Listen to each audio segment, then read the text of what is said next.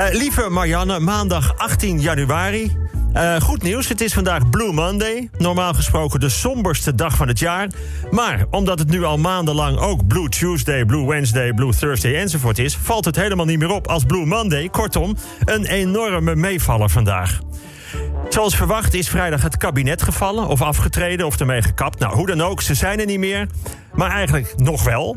Maar de betrokken ambtenaren bij de Belastingdienst blijven gewoon lekker zitten. Dat is net als voetbal. Als de spelers heel slecht voetballen, dan moet de trainer weg. En ik vind dat fijn om te weten dat het zo werkt. Want als ik iets ontzettend stom zeg, dan moet Frank dus weg. er lag sneeuw dit weekend. Nou ja, uh, sneeuw, sneeuw. Bij ons in de buurt lag een paar uur sneeuw. Een laag van, nou zeg maar bijna een halve centimeter. Ik heb alles gelijk gedaan wat er kon in deze sneeuw. Dus met de slee stilstaan op een heuvel. Stilstaan met langlaufen. Hele kleine sneeuwballen gooien naar auto's. En de eerste die langskwam heb ik ingepeperd. dat was dom. Maar ik wist niet dat Badr Hari bij mij in de buurt woonde.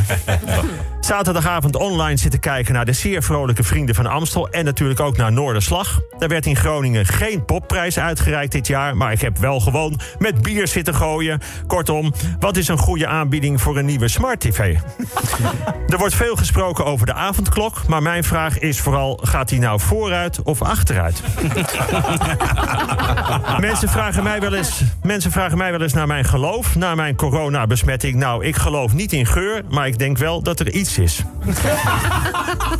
In deze tijd van COVID neemt ook de eenzaamheid toe. Ik las in een artikel dat eenzaamheid even schadelijk voor je kan zijn als 15 sigaretten per dag of ernstig overgewicht. Ik vind dat een opvallende vergelijking, maar ik ben dat soort dingen ook gaan doen. Nou, wat blijkt? Twee dagen ruzie is net zo schadelijk voor je als vier keer stom dronken.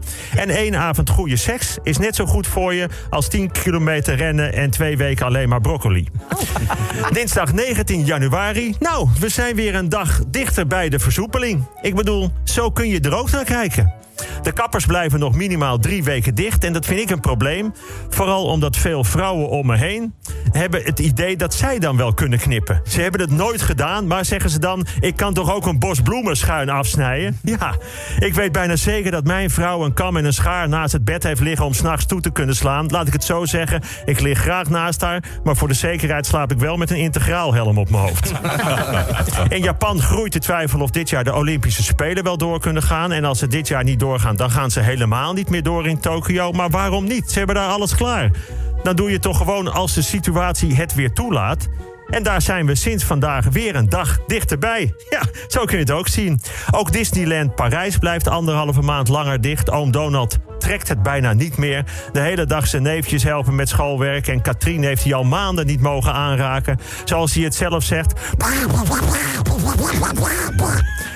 Ofwel, ik ben zo geil als Bruintje Beer, maar ik trek deze kwakdauw niet. Het nieuwe YouTube-kanaal van Lange Frans is na één dag alweer verwijderd. Waarschijnlijk door een aantal pedofiele politici die met een 5G-apparaat het beeld met gemodificeerd vaccin hebben vernietigd.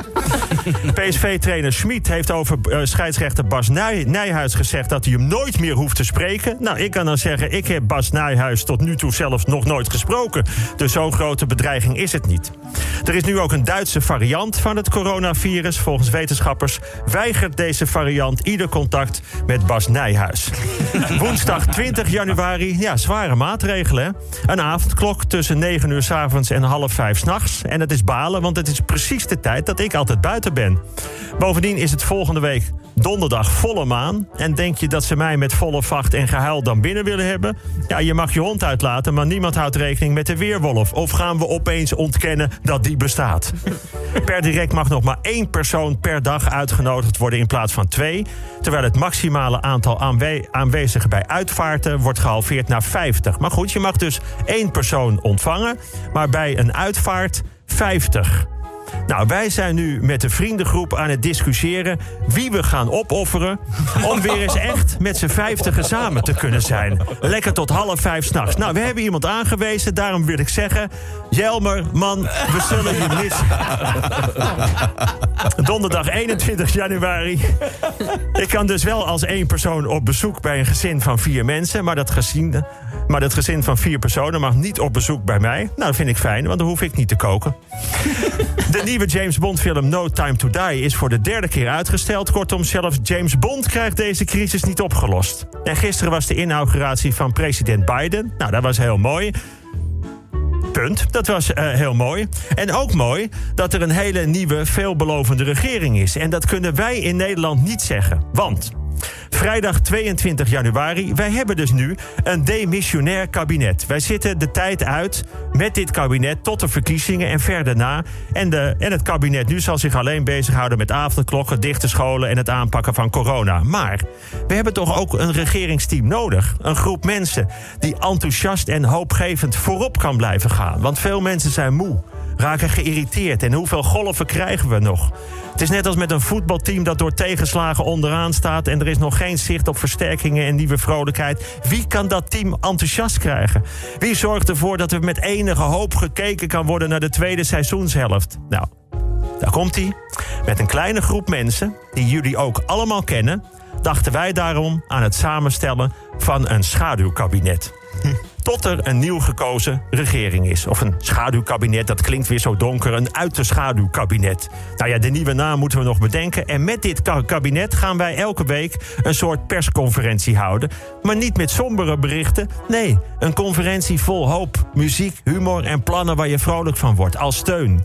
Elke week krijgen één of meerdere ministers het woord. De ene minister met een plan, de andere met een lied... weer een ander met een inzicht, een anekdote of een belevenis... maar altijd om het gevoel te geven aan het land... ja, zoiets wilden we net horen. Of ja, dat hoop ik ook. Of ja, dat zou ik ook kunnen doen. Of dat heb ik precies zo meegemaakt. Om het vol te houden, om iets op gang te brengen. Met elkaar. Klinkt dit soft? Zeikerig?